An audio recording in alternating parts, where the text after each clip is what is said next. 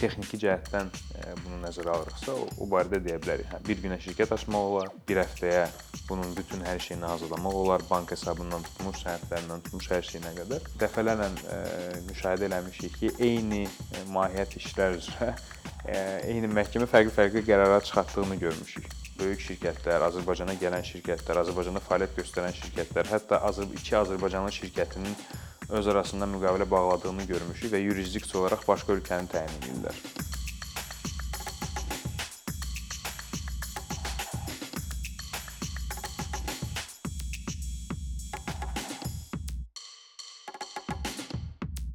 Bu gün Azərbaycanda biznes sahibi olmaq e, nə deməkdir və e, hüququn biznesə təsiri haqqında danışacağıq.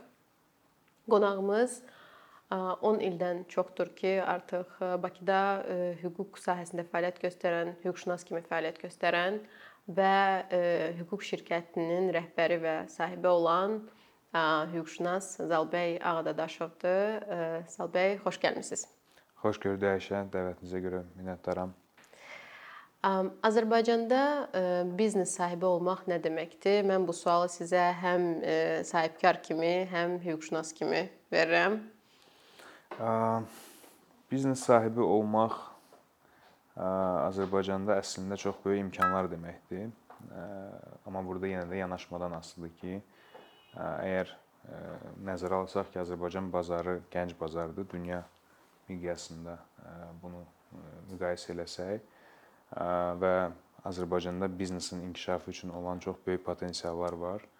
Yəni müqayisə üçün artıq dünyanın bir çox ölkələrində inkişaf etmiş minlərlə e, biznes sahələri var ki, hansılar ki, artıq orada inkişaf edib e, müəyyən e, məşruğa sahibdir, amma hələ gəlib bizdə bizə çıxmayıb. Bu da bizim cəmiyyətin müəyyən dərəcədə konservativliyindən və biznesin deyərdim ki, müəyyən dərəcədə tənbəlliyindən irəli gəlir, amma təbii ki, burada hüquqi faktorlar da var.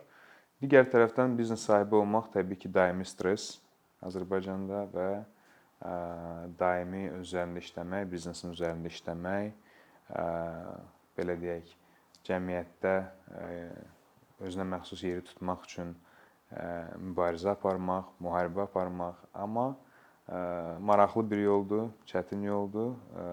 Hər bir halda məncə zövqlü bir şeydir, sınamağa dəyər. Bir şəxs bizneslə məşğul olmaq qərarına gəlir, o həmişə uğurlu olmur və bir neçə dəfə biz görürük ki, ən çox ən uğurlu sahibkarlar belə bir neçə dəfə sınayıblar və ondan sonra uğura nail olublar. Və sual da odur ki, Azərbaycan qanunvericiliyi sadəcə risk kimi görürük biz onu, yoxsa sahibkarın qarşısında ciddi bir əngəl kimi? Yəni bu suala bir mənalı cavab vermək çox çətindir. Çünki spesifikləşdirmək yaxşı olardı da. Ümumilikdə son təbii ki 20 ildəki dinamikanı götürsək, Azərbaycanda biznes sahibi olmaq, biznes açmaq, yəni çox asandır. Yəni asanlaşıb. Amma bu yəni texniki cəhətdən bunu nəzərə alırıqsa, o, o barədə deyə bilərik. Hə, bir günə şirkət açmaq olar. Bir həftəyə bunun bütün hər şeyini hazırlamaq olar, bank hesabından tutmuş, sənədlərindən tutmuş hər şeyinə qədər. Şirkət yarandı. Yəni burada heç bir ciddi bürokratik əngəllə rastlaşmayacaqsınız. Amma yəni bu sadə ticarət biznesləri xüsusi bir tənzimləmə tələb etməyən sahibkarlıq fəaliyyətindən söhbət gedirsə, yəni müəyyən dərəcədə rahatdır, çox hüquq haqqında heç düşünmədən fəaliyyət göstərmək olar.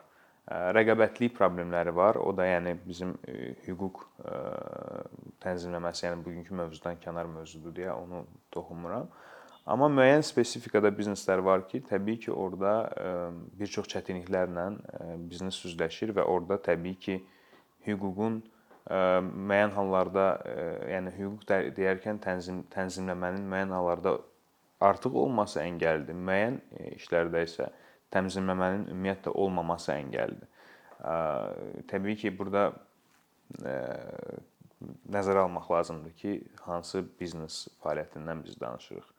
Ona görə tənzimləmələrin olmaması bir çox hallarda əslində dünya praktikasında göstərir ki, biznesin inkişafı üçün ən gözəl belə deyim də imkanlardan biridir. Çünki nə qədər ki az tənzimlənir, o qədər çox biznesə azadlıq verilir və biznes inkişafı üçün yolları tapır. Amma digər tərəfdən də tənzimləmənin olmaması müəyyən hallarda bürokratik əngəllərə gətirib çıxarır. Çünki requlator bilmir ki, burada necə davransın. Yəni bu da normal bir şeydir.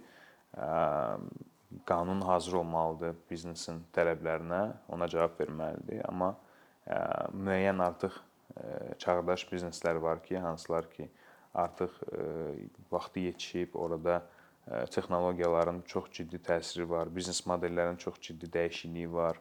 Ümumiyyətlə biznesin cəmiyyətdəki statusu, rolu dəyişib, amma qanunvericilik ona hələ onun arxasınca yetişməyib. Yəni bu tip problemlərlə hə, təbii ki, sahibkarlar tez-tez üzləşə bilər. O mənada qanun, hüquq müəyyən dərəcədə sahibkar üçün həm riskdir, həm əngəldir. Amma digər istiqamətdə yenə də deyirəm, 70-80% biznes növlərinə hal-hazırda sırf requlator baxımından ciddi problemlər mən görmürəm. Təbii ki, burada vergi məsələləri, bunların digər ölkələrlə müqayisə edəndə müəyyən fərqlilikləri hiss eləyirik. Amma yəni o da çox dərin mövzudur deyə onu mən indi hesab edirəm ki, açıqlamağa vaxtımız çatmaz. Sahibkarlıqla bağlı Azərbaycan qanunvericiliyi müasir dövrün tələblərinə cavab verirmi? Deməzdim ki, tam verir. Bir çox hallarda deyə bilərəm ki, vermir. Yəni bunun da bir neçə səbəbləri var. Birincisi çeviklik məsələsi var ki, hansı ki qanunvericiliyin ümumiyyətlə dəyişməsi prosesi bütün dünyada çox ağır bir prosesdir. Bizdə də xüsusilə ağır proseslərdən biridir, hansı ki çox böyük müddət aparır, razılaşdırmalar, müxtəlif dövlət qurumları bir-birinin arasında bunu razılaşdırıb ortaya çıxarıb qanun ortaya çıxana qədər artıq o qəbul etdikləri qanun bəzi hallarda artıq müəyyən dərəcədə köhnəlir, yeni artıq dəyişikliklərə ehtiyac olur. Bunlar da bir tərəfdən təbii prosesdir, amma bir çox məsələlərdə kifayət qədər geridə qalmışıq. Çünki yəni bunu mən praktikadan, bu gündəlik təcrübələrdən deyə bilərəm ki, biznesin tələblərinə, yəni cavab verən çevik, sürətli hüquq sistemi hələ ki bizdə tam qurulmayıb. Çünki Yəni xüsusilə misal üçün texnoloji şirkətləri qeyd eləmək olar. Qiymətli kağızlar sahəsində müəyyən dərəcədə məsələlər var. Yəni tutalım ki, bank sektorunu götürsək, orada çox sürətli bir inkişafı biz görürük və qanun da sürətlə artıq bank sektorunun arxasıca dəyişir. Bu da bu da ondan irəli gəlir ki, dövlətin burada xüsusi nəzarəti var və iradə var. Amma yəni ölkədə sahibkarlıq tək bank sahəsindən ibarət deyil də təbii ki. Və burada sistem yanaşması çox vacibdir ki, qeyd olunmalıdır ki, misal üçün götürək, yəni bu gün ən belə dəbdə olan bizneslərdən tez-tez açılan və ümumiyyətlə də təşviq olunan biznes kimi startapları götürə bilərik və yaxud hansısa IT yəni informasiya texnologiyaları sahəsində fəaliyyət göstərən şirkətləri misal olaraq götürə bilərik. Görürük ki, dövlətin çox böyük bir iradəsi var ki, yəni bu sahəni inkişaf elətdirsin, bu sahədə bizdə bir unicorn deyirlər, yəni 1 milyarddan çox dövrəsi olan bir şirkət ortaya çıxaraq yəni bu ölkədən çıxsın. Amma Bu necə baş verir? Hər nazirlik özü üçün bir misal üçün akselerasiya mərkəzi açıb, hər qurumlar fərqli-fərqli e, istiqamətlərdən hərəsi bir e, yol tapıb e, bunu yetişdirməyə çalışırlar və bu da təbii ki, təqdirə layiqdir, amma bunların ortaq hüquqi problemlərini heç kəs yəni səsləndirmir və burada bir ortaq bir işçi qrupu və yaxud bir sistematik yanaşma yoxdur ki, bunların ümumi bir bizim qanunları bu startapların tez-tez üzləşdiyi problemlərlə tutuşduraq və orada ortaya bir şey çıxaraq. Yəni ən elementar investisiya mexanizmləri, qiymətli kağız mexanizmləri, bunların investisiya cəlb etmə imkanları, yəni bizim hüquq sistemində, yəni sözün açığı hüquqşünas olaraq deyə bilərəm, hüquq şirkətinin rəhbəri olaraq deyə bilərəm, startaplarla da, digər şirkətlərlə işləyən, yəni investisiyalarla çalışan şirkətin rəhbəri olaraq da deyə bilərəm ki, çox böyük çətinliklərlə üzləşirik. Yəni məni düşündürən sual odur ki, biz niyə məcbur olmalıyıq ki, hansısa mexanizmləri yəni iki tərəfin iradəsi olan yerdə və tutalım ki, bir nəfər 5%-a hansısa şirkətin 5% payını almaq üçün yəni nominal dəyərindən qat-qat yüksək məbləğdə investisiya yatırmaq istəyir şirkətə. Amma bu onu hüquqi cəhətdən eləyə bilməyəcək. Çünki bizim nə mülki məcəllə buna icazə verəcək, nə requlator buna imkan verəcək. Çünki yəni bu sadəcə qanunda nəzərdə tutulmayıb. Burada bir günahkar axtarmalı deyilik. Sadəcə sistem yəni heç vaxt nəzərə almayıb ki, kimsə yəni belə bir dəlil eləyə bilər ki, 5%-a o qədər pul yatırar qarşı tərəfdən heç bir pul gözləntisi olmadan. Bu, yəni müasir dövrün trendidir, tendensiyasıdır. Amma biz burada məcbur oluruq ki, həm müəyyən başqa mexanizmlərdən istifadə eləyək. Bəzi hallarda sırf bu məsələlərə görə şirkətlər gedib başqa qanunvericilikdə, başqa yurisdiksiyada təsis olunurlar və sonra burada artıq gəlib fəaliyyətini davam edirlər. Halbuki burada yaranan bir startapdır, burada yaranan bir şirkətdir, burada yaranan bir müəssisədir. yəni bu tip məsələlərin hamısını məcmulaşdırsaq, yəni bir çox məsələlərlə bağlı danışa bilərik də. Məsəl üçün bizim mülki qanunvericilikdə müqavilə azadlığı problemi. Düzdür, bir çox belə deyim də normalarda müqavilə azadlığı prinsipi nəzərdə tutulub. Mülki məcəllənin özündə bir çox istisnalar var müqavilə müqavilədə nəzərdə tutulan hallarla bağlı və s. amma biz məhkəmə praktikasında da ümumi qanunvericiliyi də ümumi təhlil edəndə də bunu, bunu görürük ki, de facto müqavilə azadlığı çox məhdudlaşdırılıb Azərbaycanda. Yəni tərəflər mən demirəm ki, hansısa qanunsuz bir rəqib bağlasınlar və yaxud hansısa, amma Yəni bu biznesdə iki tərəfin iradəsi var. Biri o birisindən hansısa bir şərt üzrə razılaşır. Tutalım ki, götürək ən sadə məsələni, cancellation fee, yəni hansısa sifarişi və yaxud hansısa rezervasiyanı ləğv etməyə görə cərimə, belə deyək. Şirkətlər bunu ona görə tətbiq eləyir ki, burada yəni onun maliyyə itkiləri var və s. var. Amma bizim hüquq sistemi deyir ki, yox. Məhkəmənin hüququ var ki, o cəriməni ümumiyyətlə istədiyi formada ləğv eləsin. Yəni o müqavilədə yazılıbsa belə, hər iki tərəf buna razılaşıbsa belə, bu o demək deyil ki, o cərimə ödəniləcək. Yəni məhkəmənin hüququdur. Yəni bir tərəfdən bu yaxşıdır, amma digər tərəfdən vətəndaş tərəfindən baxanda bu yaxşı bir şeydir, amma biznesi müəyyən dərəcədə məcbur eləyir ki, başqa mexanizmlər ələ atsın və yaxud özünü qorumaq üçün hüquqi yollar axtarsın. Digər tərəfdən məhkəmələrin Azərbaycanda ümumiyyətlə, yəni bir çox hallarda müqavilə müqaviləyə çox diqqət yetirməməsi də ciddi problemdir.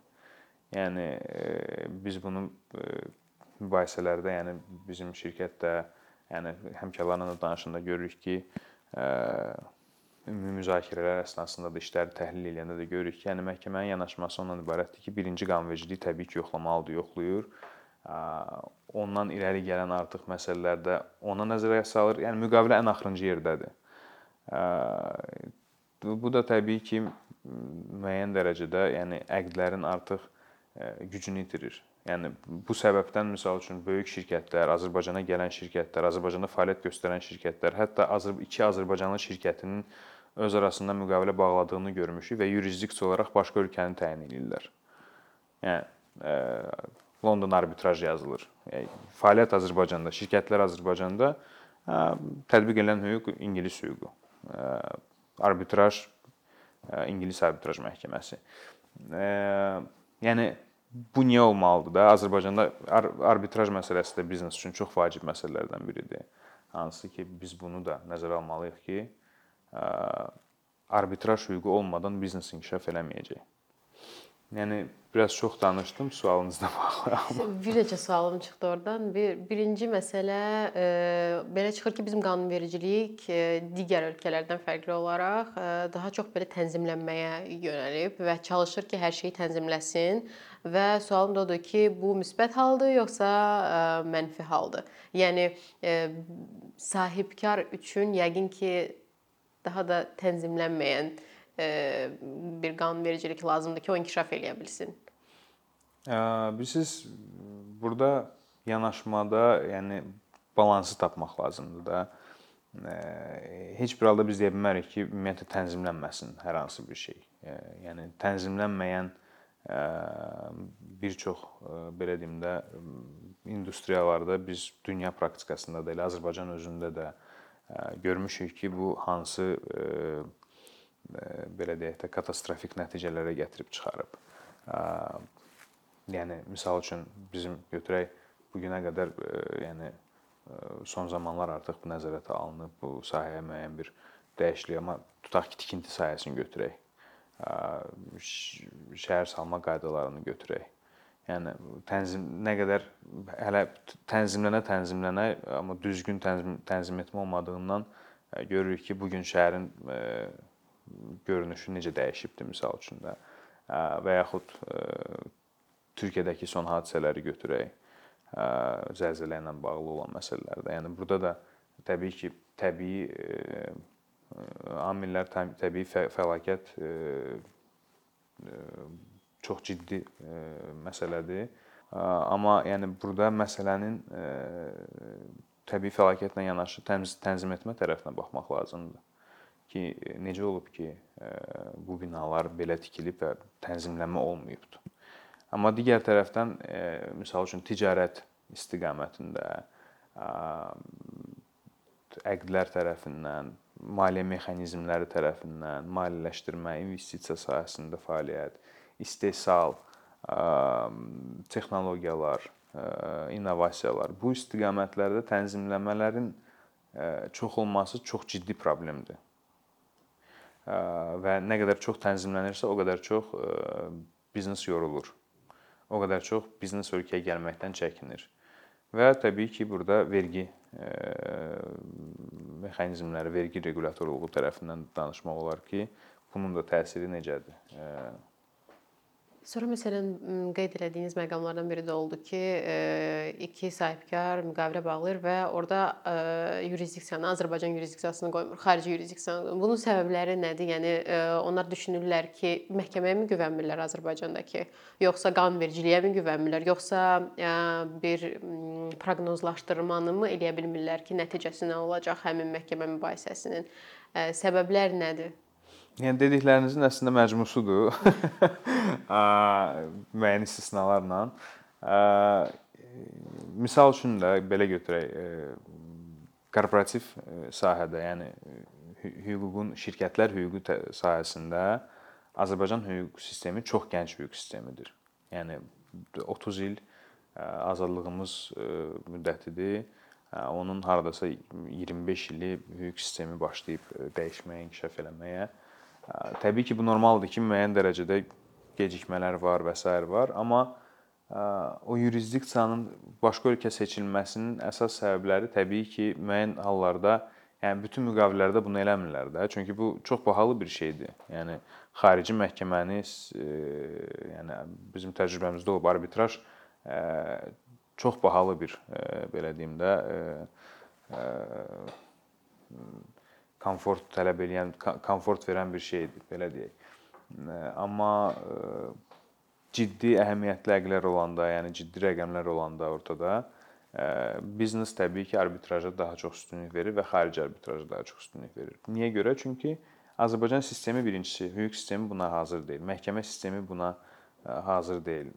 Bütün dünyada olduğu kimi çox uzun vaxt tələb eləyən bir prosesdir məhkəmə. Yəni bu da vacib amildir. Bu tək bizdə deyil, bütün dünyada olan tendensiyadır. Digər tərəfdən məhkəmə praktikasının ümumiləşdirilməsində çox böyük, yəni sırf şirkətlər hüququ tərəfindən ciddi boşluqlar var. Yəni orada da siz dediyiniz kimi proqnoz proqnoz vermək çox çətindir. Yəni bizim dəfələrlə müşahidə eləmişik ki, eyni mahiyyət işlər üzrə eyni məhkəmə fərqli-fərqli qərarlar çıxartdığını görmüşük. Bir hakim belə qərar çıxarıb, bir hakim belə qərar çıxarıb. Yəni təbii ki də biznesdə soruşur ki, okey, hansı haqlı idi? Yəni o yoxsa bu? İkisi də haqlıdır, ikisi də haqsızdır. Cavab vermək olmur. Yəni o proqnozu verə bilmirsən. Yəni bir artıq belə bir hissiyat yaranır ki, bir lotereyadır da. Yəni nə çıxdı, çıxdı. Ona görə də daha belə deyək də predictable ingilislər demişkən daha öncədən proqnozlaşdırıla bilən yurisdiksiyaları, proqnozlaşdırıla bilən məhkəmələri seçirlər. Buna əlavə olaraq bizim məhkəmələr, bizim məhkəmə sistemi kifayət qədər konservativ sistemdir. Yəni ən sadə bir misal deyəcəm sizə. Məsəl üçün elektron imza ilə bağlı bir var dövlətin elektron imzası, bir də var ki, hə beynəlxalq elektron imza sistemləri var, imza sistemləri var, müqavilənin imzalanma sistemləri var, verifikasiyalar var, Face ID var və s. var. 1000 dənə yolu var da bunun. Amma bu gün sual verilir ki, iki tərəf öz arasında müqavilə bağlayır. İkisi də bunu elektron imza ilə imzalayırsa, hansısa tutaq ki, bizim dövlətin və yaxud hansısa başqa bir elektron imza ilə bunu məhkəmə tanıyacaq yoxsa yox? Bir tərəfdən tanımalıdır misal üçün də, çünki yəni prezidentlər var, bank banklar artıq bu sistemdən işləyir, verifikasiyanı keçir, asan imzası var, o birisi var, birisi var. Digər tərəfdən yəni vəkil həmkarlarım, yəni mən özüm vəkil olmasam da çox vəkillərlə işləyirəm, danışırıq. Hüquqşünas həmkarlarım, mən bilirəm ki, bu cür hallarda hansı yollara əl atıb və o müqavilənin etibarsızlığını sübut eləmək üçün min dənə me mexanizm axtaracaq və məhkəmə də burada bir tərəfdən məhkəməni də günahlandıra bilmirik, amma sistem yoxdur deyə, hüquq sistemi yəni ona uyğunlaşmayıbdı deyə nə baş verir? Yəni bu tendensiya artıq bu trend bizdə çətinləşir. Yəni bir çox belə misallar gətirə bilərəm ki, hardakı həqiqətən də sistem gərək uyğunlaşsın ki, biznesdə rahat şəkildə bizim hüquq sisteminə güvənsin. Yəni sualınıza qısa cavab versəm, hələ ki ümumilikdə burada söhbət hansısa məhkəmənin güvənsizliyi və yaxud hansısa fərdi şəxsi amillərdən getmir. Ümumilikdə sistem, yəni hüquq sisteminin hazır olmaması səbəbindən biznesin çağırışlarına o güvən yoxdur ilkin və təcili atılmalı olan addımlar. Yəni baxırsınız ki, bunlar həqiqətən də çox sadə şeylərdir, amma uzun müddətdir ki, ciddi bir əngəl kimi sahibkarların qarşısında dayanıb. Yəni təklifləriniz nə olar? Yəni təkliflər deyərkən artıq biz zaten görürük ki, bu sahədə hərəkətlilik var. Yəni məsəl üçün də ticarət palataları var, hansılar ki, bunun lobbiçiliyi ilə məşğuldur. Biznesin özünün müəyyən lobbiçilik fəaliyyəti var ki, o qanunlara düzəlişlər getsin, dəyişikliklər olsun. Dövlət sahibkarlığın artıq müəyyən bir dialoqu var və bu tendensiya pozitivdir, bu gedir. Yəni burada da mən heç düşünmürəm ki, həm düzgün olar və ümumiyyətlə mənim təklif verməyim indiki vəziyyətdə bilmirəm nə qədər düzgün olar. Amma ümumilikdə bu tendensiya pozitivdir, müəyyən dərəcədə gedir. Təcili təxirə salınmaz addım da atmaq Birincisi inanmıram ki, mümkündür. Çünki qanunvericiliyin dəyişmə prosesi bu da təbiidir, normaldır ki, çünki kifayət qədər vaxt aparan prosesdir. Amma yəni nə qədər tez başlasa o qədər yaxşıdır. Mən hesab edirəm ki, ən vacib məsələlərdən biri elə qeyd elədiyim maliyyə mexanizmləri ilə bağlı qanunvericilik tənzimlənməlidir. Maliyyə mexanizmlərinin ümumiyyətlə maliyyə cəlb etmə mexanizmləri üçün şəraitlər yaradılmalıdır. Həm məsəl üçün də investisiya yatırılması üçün qanunvericilik bazası təkmilləşməlidir. Çox ciddi problemlər var orada. Digər tərəfdən arbitraj hüququdur. Ümumiyyətlə Azərbaycan biznesin biznesə uyğunlaşdırılan hüquq sistemi yaranmalıdır. Yəni bu da təcili deyil. Bunların heç birini təcil eləmək olmur. Amma addım-addım, addım-addım bunlar hamısı düzəlməlidir. Çünki biz də yəni Bizim istəyimiz nədir? Mən məsəl üçün hüquqşünas olaraq, konsultant olaraq həmişə istəyirəm ki, Azərbaycana daha çox biznes gəlsin.